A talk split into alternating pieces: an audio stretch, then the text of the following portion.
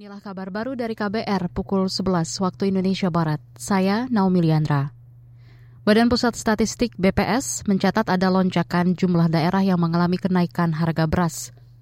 Deputi Bidang Statistik Distribusi dan Jasa BPS Puji Ismartini mengatakan ada kecenderungan peningkatan harga beras terjadi di kabupaten kota yang bertambah dari pekan sebelumnya. Itu disampaikannya dalam rapat pengendalian inflasi pagi ini.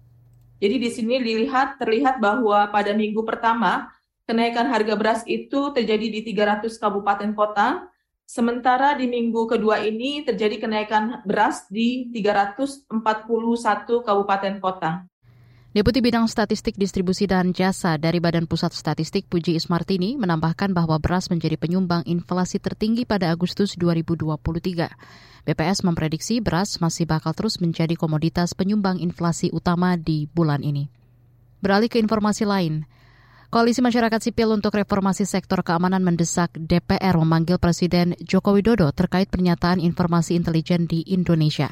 Anggota koalisi yang juga Direktur Yayasan Lembaga Bantuan Hukum Indonesia YLBHI, Muhammad Isnur, mengatakan pernyataan Jokowi terkait informasi data, survei, dan arah partai politik menjadi masalah serius dalam demokrasi. Jelas ini melanggar berbagai berbagai undang-undang dan peraturan yang lainnya, baik itu undang-undang intelijen, undang-undang kasih manusia, undang-undang partai politik. Dan ini merupakan bentuk skandal politik dan menjadi masalah serius dalam demokrasi sehingga wajib diusut tuntas. Oleh karena itu sudah sepatutnya DPR melakukan pemeriksaan, melakukan mengambil hak angketnya untuk menjelaskan hal ini kepada publik secara terang benderang. Anggota koalisi yang juga Direktur YLBHI Muhammad Isnur mengatakan pernyataan Presiden mengindikasikan penyalahgunaan kekuasaan aparat keamanan negara untuk menekan kontrol dan pengawasan demi tujuan politik. Isnur mengatakan hal tersebut tidak bisa dibenarkan dan ancaman bagi demokrasi dan hak asasi manusia di Indonesia. Sebelumnya Presiden Joko Widodo mengklaim punya data lengkap terkait data, angka, survei, bahkan arah langkah partai politik.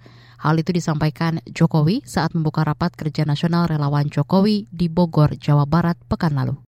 Beralih ke informasi lain, Bekas pejabat Direktorat Jenderal Pajak Kementerian Keuangan, Rafael Alun Trisambodo, akan menjalani sidang dengan agenda pembacaan putusan sela kasus dugaan gratifikasi dan tindak pidana pencucian uang atau TPPU siang ini.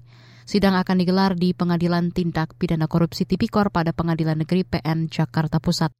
Dikutip dari Sistem Informasi Penelusuran Perkara SIPP PN Jakarta Pusat, persidangan putusan Sela Rafael Alun akan digelar di ruangan Wirjono Projo Rikoro I. Pada persidangan sebelumnya jaksa penuntut umum, JPU, menyatakan menolak eksepsi atau pembelaan terdakwa kasus gratifikasi dan pencucian uang atas terdakwa Rafael Alun Trisambodo. Rafael Alun didakwa menerima gratifikasi senilai 16,6 miliar rupiah bersama istrinya.